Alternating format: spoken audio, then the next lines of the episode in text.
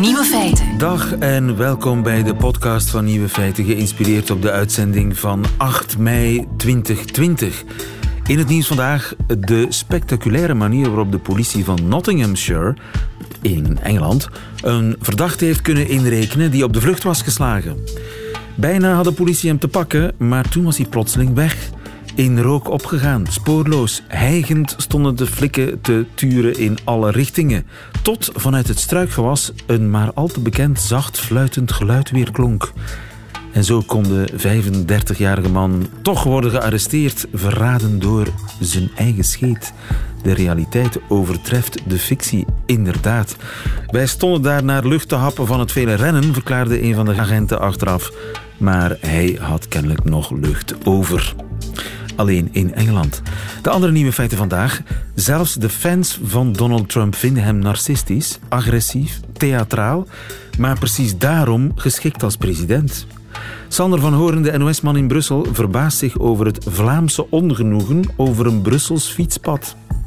Wuk heeft heel West-Vlaanderen veroverd. Het woord wuk Nico Dijkshoorn ruimt zijn cd's op en op vrijdagmiddag skyperitieft Hugo Mat en op vrijdagmiddag skyperitieft Hugo Matthijssen in deze duistere coronatijden. Met de voormalige CEO van de VRT, Cas Goossens. Veel plezier.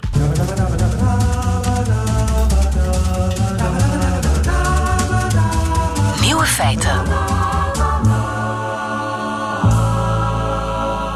Zelfs de fans van Donald Trump twijfelen aan zijn geestelijke gezondheid. Joris Bruinings, goedemiddag. Goedemiddag. Joris, jij bent uh, psycholoog en uh, docent.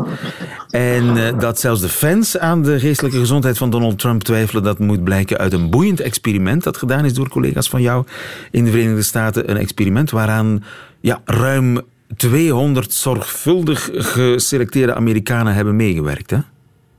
Ja, dat klopt. En dat experiment is eigenlijk niet nu afgenomen, maar in de tijd dat hij net president werd.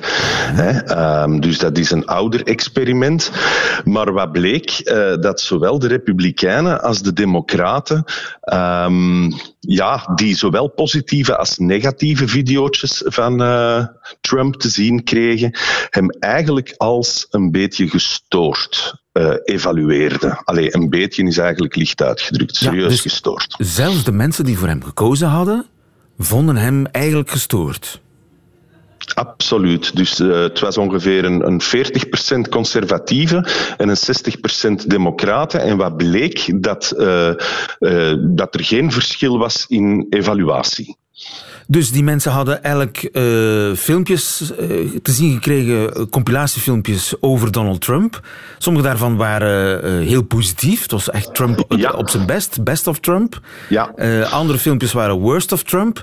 En maakte ja. dat verschil uit? wat die filmpjes... Nee. De, welke filmpjes oh, die dat mensen... Maakte geen, oh, ja. nee, dat maakte geen verschil uit. Nu, ik moet er wel bij vertellen, Trump is in Amerika al jaren een bijzonder gekend persoon. Hè. Dus die film filmpjes die hadden wel een invloed, uh, zowel positief als negatief, maar de mensen hebben zich denk ik toch wel gebaseerd een beetje op een algemeen beeld dat ze al decennia van Trump hadden. Ja, het, het is een het Amerikaanse BV, zeg maar, een eigen programma, ja. Apprentice, hè? You're Fired. Dat is, ja, ja, dat is een was, uitvinding uh, van... Uh, van Donald Trump. Ik, ik, denk, Trump is de uh, bekendste Amerikaan buiten de Kardashians, denk ik, hè? of ja. was. En dus, uh, hoe weten we dat die mensen vinden dat Donald Trump eigenlijk geestelijk uh, uit balans is? Hoe weten we dat? Wel, ze hebben achteraf de Trump geëvalueerd aan de hand van een persoonlijkheidsvragenlijst. In Amerika noemt dat de Scatty. Wij hebben hier een beetje een gelijkaardige lijst in het Nederlandse taalgebied, dat is de SKIT. En die, um, die test eigenlijk uh, psychopathie, sadisme, narcisme, uh, passief-agressief gedrag. Ah, eigenlijk allemaal gedragingen waarvan wij vinden dat die in onze maatschappij uh, minder een plaats hebben. En kan iedereen zo'n vragenlijst invullen? Of, of, want dat is toch iets voor professionals, hè? Dat is om een diagnose te stellen. Ja, dat is, dat is normaal gezien voor professionals. Om een voorbeeldje te geven, de skit. Alleen niet dat ik mij zo super professional vind, maar in bepaalde tv-programma's die ik al heb geselecteerd, dus de kandidaten, heb ik de skit 2 afgenomen om te zien of er geen, geen psychopathische trekjes aanwezig waren. Ah, ja. Maar dus die, die, die vragenlijst is aangepast uh, naar het niveau van de gemiddelde Amerikaan dan. Die kan dat invullen. Ja, ook een gewone mens kan die diagnose stellen, bij wijze van spreken. Ja, absoluut. Ik ga een paar voorbeelden geven van de skit. Hè. Um, bijvoorbeeld, ik heb vroeger wel eens uh, dieren gefolterd. Hè. Kikkers opgeblazen of poesjes, uh, whatever. Of ik heb ooit brand gesticht of ik heb al geregeld gestolen. Dus dat zijn een aantal items uh, die in die testen naar voren komen. Ja, ja. En dus uit die vragenlijst moet blijken uh, of de mensen die die vragenlijst invullen, of zij vinden dat uh, Donald Trump een evenwichtig, uh, vriendelijk mens is, dan wel. Ja. ja. En wat bleek uit die vragenlijst? Ja, dat, dat hij eigenlijk op een vijftal dingen uh, ongelooflijk hoog scoort. Dus echt uh, off the chart, uh, zo, charts met een T. Um, zoals gezegd wordt, bijvoorbeeld sadisme. Um, daar, scoort hij, daar scoort hij heel hoog op. Hè. Trump is een pestkop die agressief optreedt. narcisme, ik denk dat iedereen daar wel mee akkoord is. Hij voelt zichzelf de slimste van allemaal. Zelfs al injecteren we um, een soort ontsmettingsmiddel het is ook een zeer theatrale persoonlijkheid. Um, zeer passief-agressief. Een stukje paranoia. Hè. Dus uh, ik denk, denk nu ook uh, dat, dat, dat China erachter zit, et cetera. Hmm. En hij is zeer antisociaal. Ja, en daarover was grote eensgezindheid bij al die ja. proefpersonen. Absoluut, dus zowel democraten als uh, republikeinen. Maar wat blijkt, wij vinden dat misschien niet zo'n goede eigenschappen, want samengevat zou je dat eigenlijk de Dark Triad kunnen noemen. Zo, dat is uh, wat een spectaculaire naam. Maar de Dark Triad, dat is een combinatie van narcisme, psychopathie en machiavellisme. In andere woorden gezegd, de tool heiligt de middelen. En mensen hebben blijkbaar van leiders toch wel graag dat ze die drie kenmerken wat bezitten. Oké, dus er zijn mensen die een narcist en een sadist uh, willen als president. Ja, en als we, als we nog maar eens even kijken naar, naar de geschiedenis van, van Alexander de Grote tot, tot uh, Pol Pot, uh, noem maar op. Uh, op het moment hebben we er op de planeet toch een aantal rondlopen die, die best wel hoog zouden scoren uh, op de Dark Triad. En, en die, die, die, een Poetin, een Xi, een Trump, een Bolsonaro, alleen noem maar op. Hè. mensen volgen dat type mensen. En dat betekent ook, het is een verkiezingsjaar, dat uh, de kans dat de president die zo de bocht is uitgevlogen in de coronacrisis uh, met het uh, aanraden van injecties met bleekwater, ja. dat hem dat eigenlijk niet wordt aangerekend in de verkiezingen. dat kan. Ik, ik vrees er echt voor. Ik denk dat we ons als wereld moeten voorbereiden op nog vier jaar folie van Trump. Dat zijn grote woorden. Dat, daar ben je redelijk zeker van. Ik, uh, ik heb nog nooit iemand gezien die Trump kon verslaan in een debat, juist omdat hij zo ongelooflijk psychopathisch, narcistisch is. En, en hij legt dat gewoon allemaal naast zich neer. En de mensen zien gewoon, ah, ja, je kunt gewoon niet winnen van de Trump, dus dat is de leider bij uitstek. Dus uh, de strategie van de tegenstander van Trump moet niet zijn: kijk eens wat een narcist en een sadist. Nee, in mijn ogen niet. Ik denk, ik denk eh, pas als er, als er echt uh, nog grotere rampen gaan gebeuren in Amerika, economisch. En, en zelfs dan, zelfs dan, lieve, weet ik het niet. Um, het, ik ben totaal anti-Trump. Ik denk dat dat wel geweten is, want dat is een van mijn lievelingsonderzoekspersonen, bij wijze van spreken. Maar je moet hem wel meegeven, he is unbeatable. En er zal dus iemand moeten opstaan uh, die misschien minder narcistisch en minder sadistisch is, maar die wel een uh, even grote vechtjas is en die hem wel kan verslaan. ja, ja een, een democraat die lief is, maar een vechtjas is. Je hebt dat heel goed gezegd. Ik denk dan bijvoorbeeld ook, ook die de minderheden kan aanspreken. Ik denk bijvoorbeeld als een, als een uh, Michelle Obama of een andere straffe zwarte vrouw die zowel lief is en, en begripvol en sociaal, maar tegelijkertijd kan zeggen van hé hey, makker, zo niet. Hè? Ja, niet bang is van de boksring niet bang is van de boksring. Correct. Helder. Joris Bruinings, dankjewel. Goedemiddag. Nieuwe feiten. De ontdekking van België. Meer bepaald door een Nederlander, Sander van Horen, NOS-journalist in Brussel. Na een half leven oorlogscorrespondent. Half leven, lieve. Ruim dat tien zou, jaar. Dat zou me 25 maken. Ik, uh... Ben je dan ouder Ja, precies. Dankjewel. Heel goed. Okay, ja. uh, je bent al een paar jaar woonachtig, zoals wij dat in Vlaanderen soms nog plegen te zeggen. In Brussel, jij ontdekt ons land. Elke week kom je daarover vertellen. Bij ons op vrijdag, wat heb je deze week geleerd? Uh, iets over Brussel en iets over mondkapjes. Aha. Zeg het maar. Uh, mondkapjes. Mondkapjes. Wij Nederlanders zijn allergisch voor mondkapjes op een of andere manier. Jullie zijn de laatste nou, die de, de mondkap opzetten. Als we het al doen.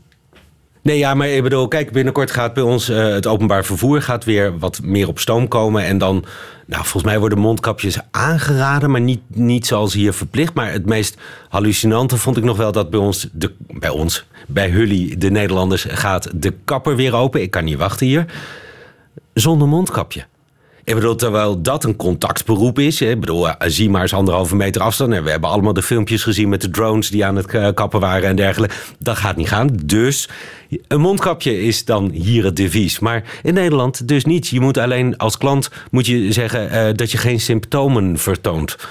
Dus nou, er is een grotere mondkap An, uh, ja, vrees. Ja, denk of, ik dus wel. Want allergie hier, hier in Nederland het, dan in België. Hier moest het uh, vanaf uh, afgelopen maandag in het OV of op andere plekken waar anderhalve meter niet gegarandeerd kan worden.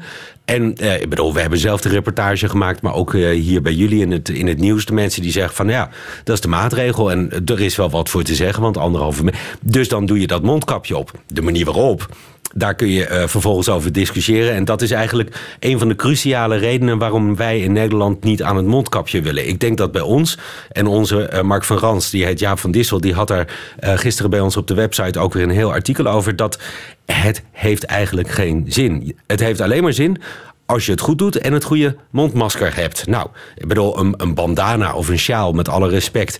Wat help je ermee? En dan is het argument van Van Ranst gisteren ook in de krant... baat het niet, dan schaadt het niet. En elke besmetting die je daarmee voorkomt is dat is, dat is het argument van Van Dissel, dus de Hollandse versie van Van Ranst. Zegt, het schaadt wel, want het kan een vals gevoel van veiligheid geven. Ja, bovendien, hoe ga je dat mondkapje of die, die, die, die sjaal hoe ga je die behandelen? Ik bedoel, die stop je in je fietstas en aan het einde van de dag gaat die weer op met alles wat erop zit. En ga je die s'avonds op 60 graden wassen? We dachten het toch niet. Dus dan creëert dat inderdaad een schijnveiligheid die misschien schadelijk is en die misschien afleidt. En dat zie je hier, vind ik, eh, in elk geval in Brussel, waar mijn bubbel is of mijn silo.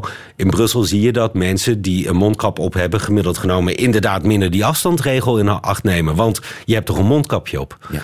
En, en, en dat, dat vind ik wel een, een interessant verschil tussen, tussen uh, België en Nederland. Ik denk dat er nog een tweede reden is waarom wij Nederlanders uh, wat meer tegen het mondkapje zijn. Uh, hier in België komen we van verder. We zijn toch meer in een lockdown geweest dan in Nederland. Dus hier in België denk ik dat de uh, afweging wat meer is. Meer vrijheid in ruil voor een mondkapje. Prima, doen we dus. Ja. Terwijl in Nederland had je al meer vrijheid. En dan voor een, een, een relatief kleine uh, versoepeling een mondkapje op moeten. We dachten het toch niet. Ja, overigens viel mij op vanmorgen toen ik het gebouw binnentrad. Dat er in het Frans een tekst stond. Bedoeld voor mensen die op bezoek kwamen bij de RTBF. Ja. Dat iedereen vreemd aan de RTBF. Dus die niet RTBF-personeel is, een mondkapje moet dragen. Jij dus? Ik moet, mocht ik, mocht ik naar de RTBF-kant van het ja. gebouw overstappen, zou een mondkapje moeten dragen. Maar dat is grappig, hè? Want, want uh, natuurlijk is hier al langer de discussie... waar kijk je naar? En inderdaad, een mondkapje in Frankrijk is veel prominenter in het beleid. Dus, dus, naarmate je zuidelijker in Europa afzakt, zie je meer mondmaskers. Maar los daarvan, meer- de Walen die kijken dus meer, hè, het is bekend, maar naar Frankrijk. Je zag het ook met de discussie over de heropening van de scholen. Eh, nu is het niet zo trouwens dat de eh, eh, eh, Walen of de Vlamingen wat meer naar Nederland kijken, denk ik. Want het is, valt me op, op heel veel punten in Vlaanderen eigenlijk minder soepel dan in België. Die mondkapjes hier, dat, dat is dan misschien een uitzondering. Maar ik sprak over de versoepeling in het openbaar vervoer. En de mondkapjes eh, sprak ik met de lijn onder andere. En daar werd toch wel redelijk besmuikt gezegd van ja, wij doen en mondkapjes en anderhalve meter afstand. En in Wallonië zijn ze daar wat luchtiger in, zeg maar. Dus, dus het is ook weer niet een, een, wet van de ene kant van het land is strenger dan de andere kant. Ja, maar dus er is een mondkapjesgrens ergens. En, die- En dan in het midden ligt Brussel. En als ik deze week ergens achter ben gekomen, is dat eh, mijn inburger, ik ben wel Brusselser geworden. En dat komt doordat ik in Brussel woon en werk en leef vooral ook, samen met nog heel veel anderen. En ik, ik aan het genieten ben van, van eh, de vrijheid die je hebt als fietser. De schone lucht natuurlijk. Het feit dat je je weer kunt verplaatsen in die stad. En ja, ik bedoel, ik, ik ben helemaal niet zo groen. Ik heb geen vliegschaamte en ik hou van een goed stuk vlees. En ook elke dag. Maar op het moment dat ik dan toevallig een groene minister eh, hoor praten over 40 kilometer aan fietsstroken. Je ziet ze hier voor de deur van de VRT ook verschijnen. Denk ik, heel goed. Eindelijk. Eindelijk. Ja. En op het moment dat er dan, en of dat dan Theo Franke is, of Touring, of weet ik veel wat. Juist, ja, dat was in het nieuws. hè. Theo Franke verzet zich? Of wat was er precies gebeurd? Nou, hij zegt, eh, Brussel keert zich af hiermee van, eh, van de Vlamingen. En misschien moeten wij ons ook maar eens een keer afkeren van de Brusselaar. Alsof het een eh, eh, van God gegeven recht is dat je met vijf banen tot aan de grote markt kunt rijden. Ik bedoel, geen enkele stad in de wereld, is niet waar trouwens, maar geen enkele normale stad in de wereld heeft dat nog. In Amsterdam hadden we het ook. Er was de, de Wieboudstraat was, was eh, vierbaans, de Overtoom was vierbaans. Nou, Het zijn allemaal ongeveer stadstraten geworden. Ja. En, en dat is dan denk ik toch. Eh, Dus eh, dat een fietspad nog op verzet kan stuiten, dat is echt iets heel erg Brussels. Nou, nee, het is Heel erg nee, Belgisch. in, in Brussel is nauwelijks verzet. Sterker nog, ik bedoel, je merkt dat je meer Brussels wordt omdat je met je mede-Brusselaars daar eh, voor bent. Nee, het is die, die Vlaamse rand. Terwijl je dus ook zou kunnen zeggen, als Vlaamse rand maken we de stap mee. En we gaan dus niet zeggen Brussel keert zich van ons af. Nee, we gaan die fietspaden doortrekken tot in de randgemeente. Ik heb een e-bike. En het, ik, ik zat laatst van Randje Jubelpark interviewen in 15 minuten. Maar ja, dan moet je dat wel doortrekken. Want oké, nu heb je dan eh, de- Tervurense... Maar dat is de olievlektheorie, hè, Sander? Brussel als olievlek, hè, die uitbreidt. Klopt, eh, omdat iedereen ook in het groen wil wonen. Alleen wat je dan normaal En, en de gesproken doet... Franstaligheid die mee uitbreidt. Dat Maar wat je dan normaal angst, gesproken hè. doet, is dat je dan eh, openbaar vervoerverbindingen, fietspaden en dergelijke doortrekt. Ik bedoel, want die Tervurense baan eh, vanaf het Jubelpark richting Tervuren, die wordt dan eh, de, de parallelbaan, dat wordt ook een fietspad, prachtig. Daarna ga je het bos in, hartstikke mooi fietsen. Maar ik fietste daar dus laatst en ik dacht, ik ga mijn dochter daar s'avonds laat niet in het donker laten fietsen. Dus moet je ook dat aanpakken. Je moet inderdaad zorgen dat dat trammetje, wat ook door het groen rijdt, hartstikke mooi trammetje, hartstikke mooie route. Alleen het duurt onnodig lang. Dus daar ga je de mensen niet mee in het openbaar vervoer krijgen. Dus ook dat moet je aanpakken. Dus sla nou de handen in één. Doe die eh, gedachte van: oké, we, we bouwen voort op de coronacrisis. En we gaan het allemaal iets groener en iets gezonder en prettiger voor de mensen maken. En pak die Vlaamse rand mee. Ik bedoel, sla de handen in één. Vlaam. Vlaamse rand en Brussel één front, als het ware. Zou dat toch mooi zijn?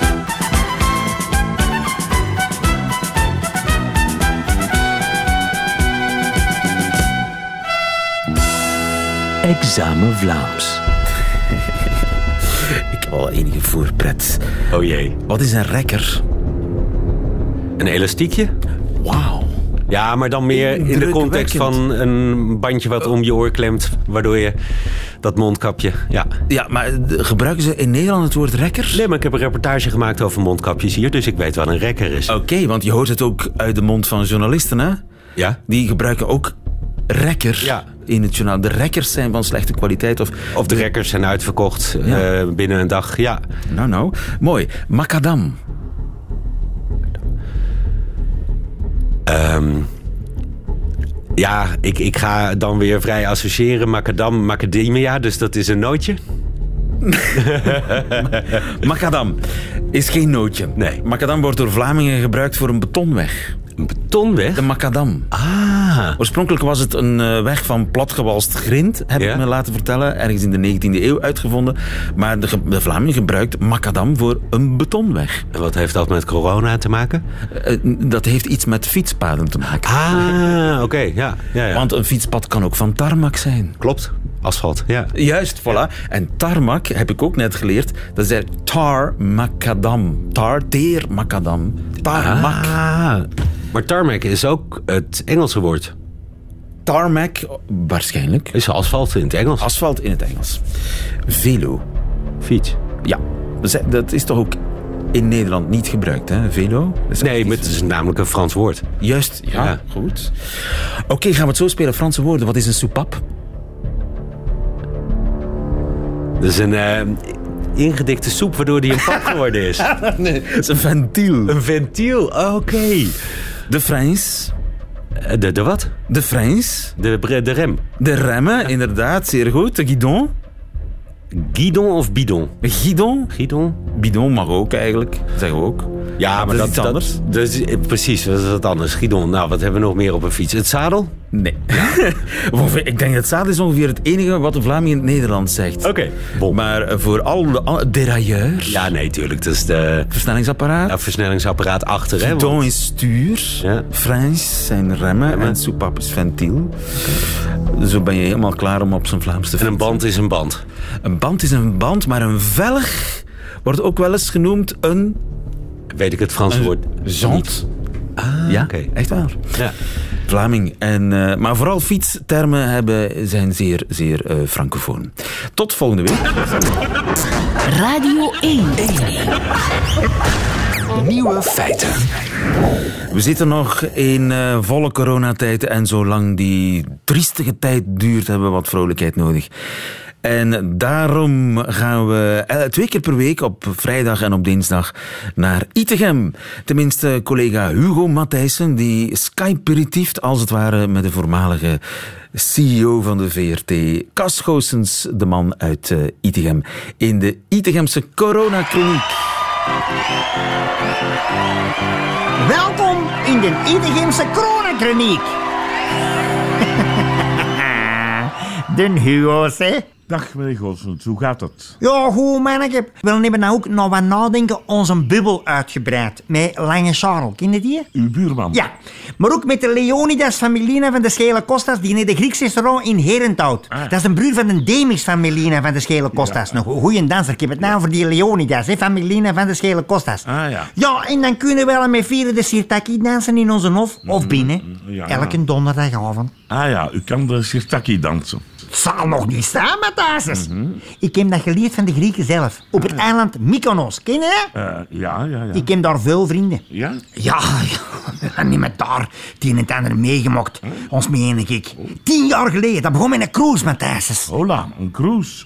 Ja, op de Middellandse Zee. We gingen in Barcelona om boord. Dat schip dat was onvoorstelbaar groot. Dat was reusachtig. Ja? Ik zei nog tegen ons Mia, aan mij. Dat schip is al zo groot dat dat zelfs niet op de Neet zou kunnen varen. En de Neet is nogthans een machtige rivier. Waar of niet, Matthijs? Ja, ja, zeker. Ja, ja. Enfin, wel een onboord, alles heel chic. Wel, we hebben onze kajuit gebracht en zo. Wel zijn nog maar goed en wel geïnstalleerd. En ineens werd er op die deur geklopt. Ja. Allee, kloppen, Matthijs. Dat was zo niet gewoon tok, tok, tok, hè. Dat was zo meer van tok, tok, tok. Waarbij de koude rillingen over hebben rug lopen. Ah, ja. En inderdaad, ons Mia doet die deur open en wie stond er? De lange zaal. Je dat? Eh, uw buurman. Ja, in zo'n omstandigheden denkt de mens bliksemsnel. Dus ik kijk door het raam en ik denk, we zijn nog 500 meter van de kust. Dus die afstand die kan ik nog wel zwemmen, denk ik. Maar ons Mia die nooit kunnen zwemmen verstaat. Dus ik blies dat plan af. Ja, ja, ja. En ons Mia had al gezegd, Charles, wat doe jij hier? En de Charles die antwoordde, ja, hetzelfde als school zeker? Ja, ja. Eh, jullie en de buurman op hetzelfde schip, dat is wel een ongelooflijk eh, toeval. Toeval! Nee? Belang je niet met thuis. Die Charles die doet al zo lang dat hem onze gebeurd is, steken mijn post open. Dus die wist dat we een reis hadden geboekt. En dus die zei, allee, ik ben content dat ik hier wat mensen ken, want een man alleen op reis, dat is toch een heel onderneming. De Hagelaar. Ja, ja, ja. Ik dacht, ja, ja, gelijk, ik had even gewoon nee, nee kunnen denken. Maar dat had geen verschil gemaakt, verstodde. En s'avonds, Matthijs, bij een diner, Ja. verschijnt die Charles ineens in een kapiteinskostuum. Is Lange Charles een gewezen kapitein? Maar niet, dat was een veredeld carnavalskostuum. Maar ja, die passagiers die waren natuurlijk wel allemaal onder de indruk. Mhm. Ja, Ja, ja. en die Charles die zei dat hem de hoofdkapitein was van heel de rederij of zoiets. Dus al wat hij at of dronk, Mhm. en, en vooral dat list, dat was heel indrukwekkend, dat liet hem op de rekening zetten van de cruisecompagnie, Ja, verstaan? ja, goed gezien. Allee, die Charles die had een tijd van zijn leven en ik dacht na een paar dagen, och ja, als hem zijn eigen kan amuseren, dan is dat zo. Hè. maar toen, Matthijs, Ja. kwamen de Griekse eilanden in zicht. Ken je die? ja. Matthijs, op dat moment kwam er een steward of zoiets naar die Charles en die zei, kapitein Charles, onze gezagsvoerder zou het een eer vinden als jij even de besturing zou willen overnemen. Die Charles die zei direct, Kas, Mia, kom je mee? Ja, ja. Ja, wel wouden we dat natuurlijk wel eens zien, zo'n stuurkabin. Wel en mee. Ik dacht, de echte kapitein is in de buurt, dus eigenlijk kan er niks mislopen. Ah ja, dat was allemaal heel veilig. Maar belangrijk niet. Nee. Want later bleek dat een echte kapitein als eerste dat was gaan doen. Die was nogal zwaar in de Chablis gevlogen bij de lunch. Maar dat wisten we wel niet. Enfin, die Charles die zegt... Ik kon niet testen hoe rap dat deze bak wel kan varen. Dus die geeft gas. Die boot die zet zijn eigen in beweging. Wel vlogen tegen 140, 150 per uur over de Middellandse Zee. En ineens doemt er een eiland op Matthijs. Ja. Het eiland Mykonos. Ken je dat? Eh, ja. Ja, ik, ik vlieg naar een handframe, want zo'n schip dat stopt natuurlijk niet zomaar. Nee, nee. En ik roep naar ons Mia, Mia naar stuurboord. Ons Mia die pakt dat ruur over en die roept, Kas, stuurboord, is dat links of rechts? Ik zeg, mocht niet uit, mocht niet uit, onmiddellijk scherp een bocht. Ons Mia die roept terug, een scherp een bocht, maar een waar, Kas, links of rechts? Ja. En toen riep die lange weet je wat, ik zal ondertussen even een foto maken. Dat is misschien tof voor de kleinkinderen. Bompakas, ontstuur, verstotten. Enfin, wel knallen tegen dat eiland, Matthijs. En die boot die scheurt zijn eigen deur de rotsen. Die splijten gelijk een stuk raaspap. Wordt dat je met je mesdeur gaat. Ja, amai. Pas aan de andere kant van dat eiland kwamen wij tot stilstand. Matthijs, het eiland Mykonos Ja. Was gewoon in tweeën gesneden. Ai. Door dat cruiseschip. Oei, oei. Zeker, oei oei. De politie die was er direct. Ik zei nog, allee, nee, hij de twee eilanden voor de prijs van één. Maar ja, er waren ook vier antieke tempels vernield en een paar hotels. Ja. En wel net dat gedaan, hè. U en Mia. En Lange Charles dan? Die lange Charles die zei direct, sorry. Ik ben geen echte kapitein. Ik ben een Hollywood-acteur die zijn eigen hier komt inleven voor zijn rol. Ja. En die Grieken die riepen direct, hola, een echt een Hollywood-acteur. Mhm. Meneer, mogen wij aan een kamer aanbieden in het chicste hotel dat nog overeind staat. Ah, ja. En dan zei die Charles, merci Geer. Ik heb ook gewoon foto's gemaakt van mijn research. Ja, en dan zagen dus die politie mij en ons Mia Ja. dat schip besturen. Hè. Ja, ja, ja, ja. Maar goed, on dat schip mankeerde niks. En die hotels die waren van buitenlandse eigenaars. Ah, ja. Dus die trokken hun dan niet aan, die Greken. Nee. En antieke tempels. Dus die, die hebben ze daar genoeg. Maar ja, zo'n eiland in twee opsplitsen, daar lacht een Greek niet mee. Nee, dat zal niet. Allee, die hadden ineens Mykonos Noord en Mykonos Zuid, verstaan? Dat was direct een bras. Zo van, wie kreeg de hoofdstad? Wie gaat wie subsidiëren? Maar tijdens dat eiland dat stond onder rand van een burgeroorlog. Ja, ja, dat is wat. Ons Mie en ik dreigden de bak in te vliegen voor vernieling van het grondgebied. Ja, ja, ja. Maar toen zei de Charles, ik stel een minderlijke schikking voor. De Kas en Mia zullen de schade herstellen. Ik zal toezichter zijn. Enfin, ons Mie en ik, wel nemen er mundenlang aan de slag geweest. Wel nemen met, met kruiwagens en met schuppen enzovoort enzovoort. Totdat die sleuf helemaal teruggevuld was. Onder toezicht van de lange Charles Matthijsses.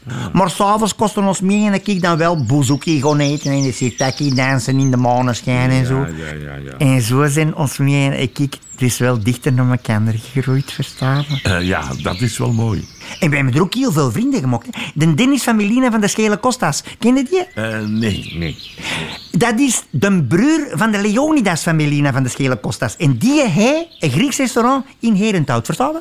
Ja, ja, ja. En sindsdien gaan jullie daar jaarlijks op vakantie. Nee, nee, niet naar Herenthout, maar wel naar Mykonos. Ah, ja. Als het kan, hè. Ja, ja, ja. ja. Maar het straffe is, Matthijs, Ja. dat ik in mijn jonge jaren eigenlijk helemaal geen vakantieliefhebber was. Ah, nee? Matthijs, de naam Eugène Flagey. Zeg je dat niet? Ah ja, de grote orgelist. Ja, ja. De Eugène en ik wel hadden heel veel hits. Maar het allergrootste succes, dat was toch het nummer Op vakantie gaan, ik ben niet zot. Wil ik het eens laten horen? Def dus op dat knopje, Matthijs. Ja, dames en heren, ja, ja. Wel waren is on de Côte d'Azur. Maar een simpel pintje is er peperduur. Daarom gingen wij een weekendje naar Polen. Maar in het hotel ze daar mijn onderbroek gestolen.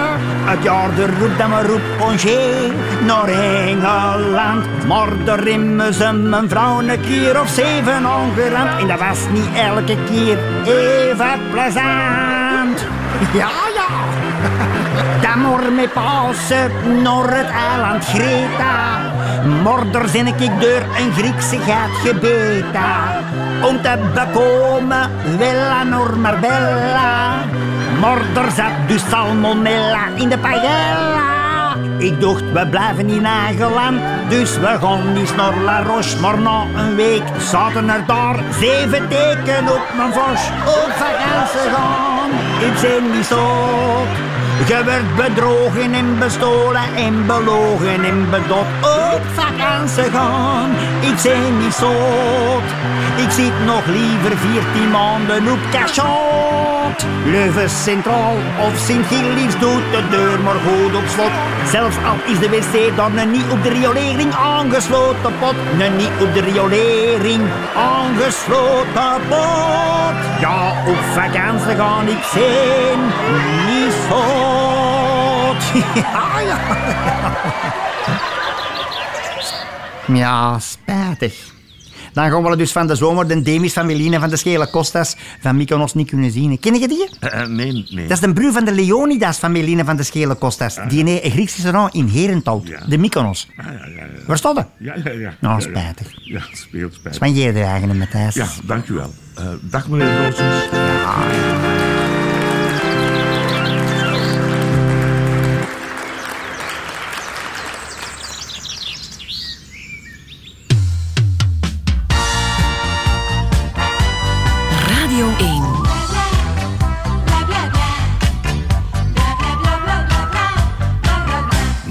feiten.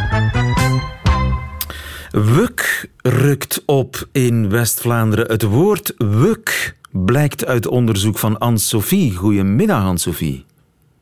Goedemiddag. Anne-Sophie Gieselen, je bent taalkundige aan de Universiteit van Gent. Wuk, Ja. aan wie doet mij dat denken? Welk? Ja, dat doet jou, jou uiteraard denken aan Bart van Essen. Welk is er allemaal gebeurd van die jaren? Wuk is er allemaal gebeurd van die jaren? Freddy de Vader is de wukszegger bij uitstek, hè? Eh, Is hij de schuldige? Eh, nee, Eh, laat ons zeggen dat die evolutie zich al veel vroeger heeft, eh, heeft ingezet dan het bestaan van Freddy de Vadder. Dus dat is een evolutie die al langer aan de gang is. Maar we zien eigenlijk ja, echt een gestage opmars. Dus hoe jonger een West-Vlaming is, hoe groter de kans dat hij een wuk-variant gebruikt in plaats van wat. In plaats van wat zeggen sommigen wuk.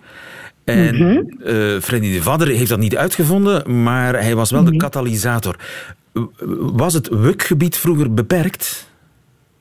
Ja, dus als we eigenlijk kijken, terugkijken naar oude dialectdata die verzameld werden bijvoorbeeld op het einde van de 19e eeuw of aan het begin van de 21e eeuw, dan zien we dat het wuk-gebruik eigenlijk vooral beperkt was tot de regio Ieper-Poperingen en ehm, het, het zuidoosten van West-Vlaanderen. In het noorden de regio van West-Vlaanderen, dus eh, Avelgem. Avelgem, Ja, eh, brr, bijvoorbeeld. eh, Menen, Kortrijk? Is dat Ja? Kortrijk zit. Ja, en Kortrijk is dan de zuidoostrand en dat is dan het, eh, een beetje de uitzondering op de regel, want daar gebruikt men net zoals in het noorden van de provincie de vorm wat of wadde, Wadde? Zoals, eh, zoals in de standaardtaal eigenlijk. Hè, van wat zeg je nu bijvoorbeeld. Maar wuk is eigenlijk Ehm, oorspronkelijk Ipers, Poperings of eh, eerder Ja, Avelgemsachtig? ietsjes, Ja, En- ja, en dan hebben we nog een derde, een derde vorm die we dan in de streek van Veurne-Ambacht aantreffen. Dat is eigenlijk winnen. winnen. Winnen? En eh, winnen, winnen zeg je nu, bijvoorbeeld. Eh, in plaats van wat zeg je nu. Ehm, en dat is Oh, eigenlijk... voor alle duidelijkheid, winnen betekent niet wie, hè, maar wat. Nee, nee, nee, nee. Wat? Winnen. Oké, Dus met door de winnen zeg je nu, is dan wat zeg je nu? Ehm, en dat was eigenlijk het oude patroon. Dus in het noorden en in de zuidoostrand. Wat? Winnen, Veurne, Ambacht en elders Wuk. Maar we zien dat die territoria eigenlijk aan het verschuiven zijn en dat Wuk eh, met een opmars bezig is. Ja, En dus- ik zeg we, want ik heb, het, eh, ik heb het onderzoek ook met mijn collega Roxanne van den Bergen samen uitgevoerd. Uiteraard. En stopt het bij de provinciegrens of gaat eh, WUK ook de provinciegrens oversteken, denk je? Dat lijkt mij, op dit moment, we hebben het niet meegenomen in ons onderzoek, eh, maar dat lijkt mij weinig waarschijnlijk, omdat wij ook het gevoel hebben dat WUK echt gebruikt wordt om je West-Vlaamsheid in de verf te zetten.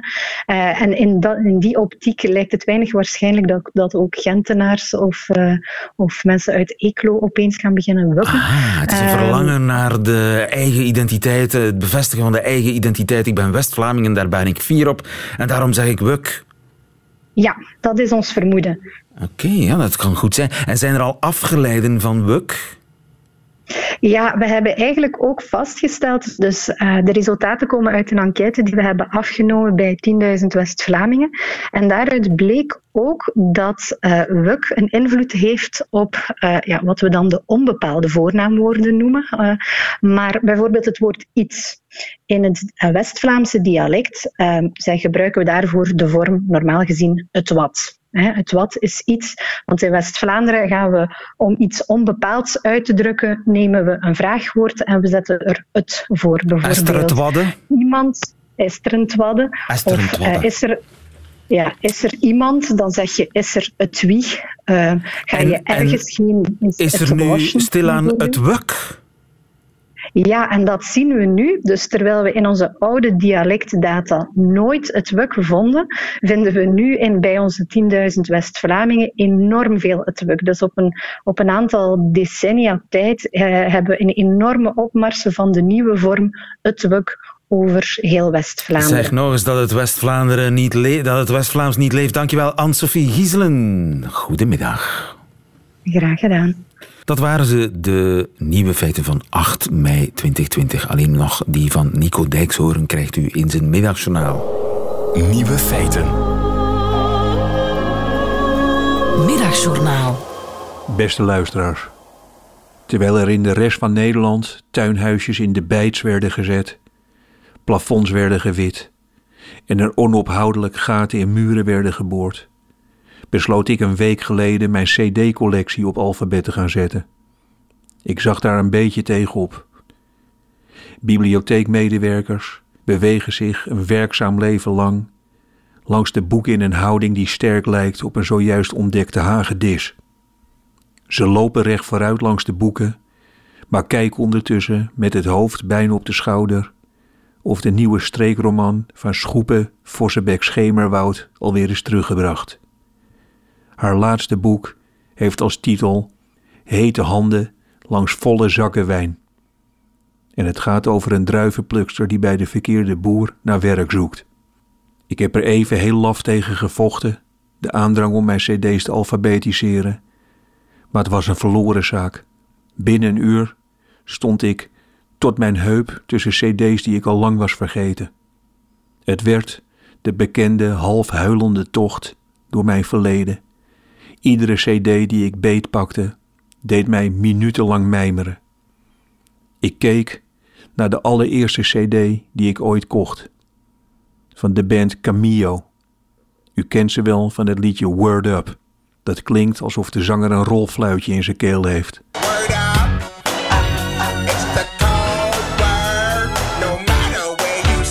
Ik kocht de CD omdat het de eerste CD was die helemaal digitaal was opgenomen. DDD stond er op de hoes. Ik zou muziek horen zoals ik dat nog nooit had gehoord. Ik luisterde en ik voelde me net zo bedonderd als mensen die nu een krankzinnige installatie hebben gekocht om met siroop en bussen vol gas en rare plastic flessen zelf thuis een koolzuurhoudende frisdrank te knutselen. Bij dat soort mensen mag ik altijd graag even voor de deur gaan staan om een liter fles cola leeg te drinken. Daarna keek ik naar een cd van Van Morrison, die ik kocht toen mijn vader nog dacht dat hij 159 jaar oud zou worden en gewoon door kon blijven sporten. Het is de CD No Guru, No Method, No Teacher. Mijn vader hield van Van Morrison en hij hield van honkbal. Ik hoop dat hij ook van mij hield. En daar stond ik in mijn kamer met die CD. Zo vreemd dat de muziek waar wij ooit samen naar luisterden ook op zijn begrafenis was gedraaid. Wisten wij veel toen we er samen naar luisterden. Ik zette het liedje op, dat werd gespeeld toen wij langs zijn kist liepen. Van Morrison zong No guru, no method, no teacher, just you and I and nature and the father in the garden. Luisteraars, ik heb de CD bij de letter K gezet. Mijn vader heette Klaas.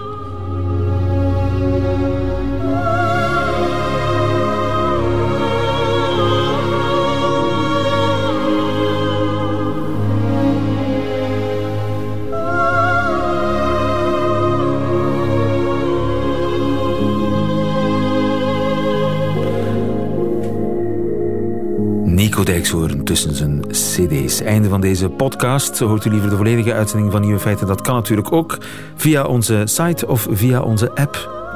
Tot een volgende keer.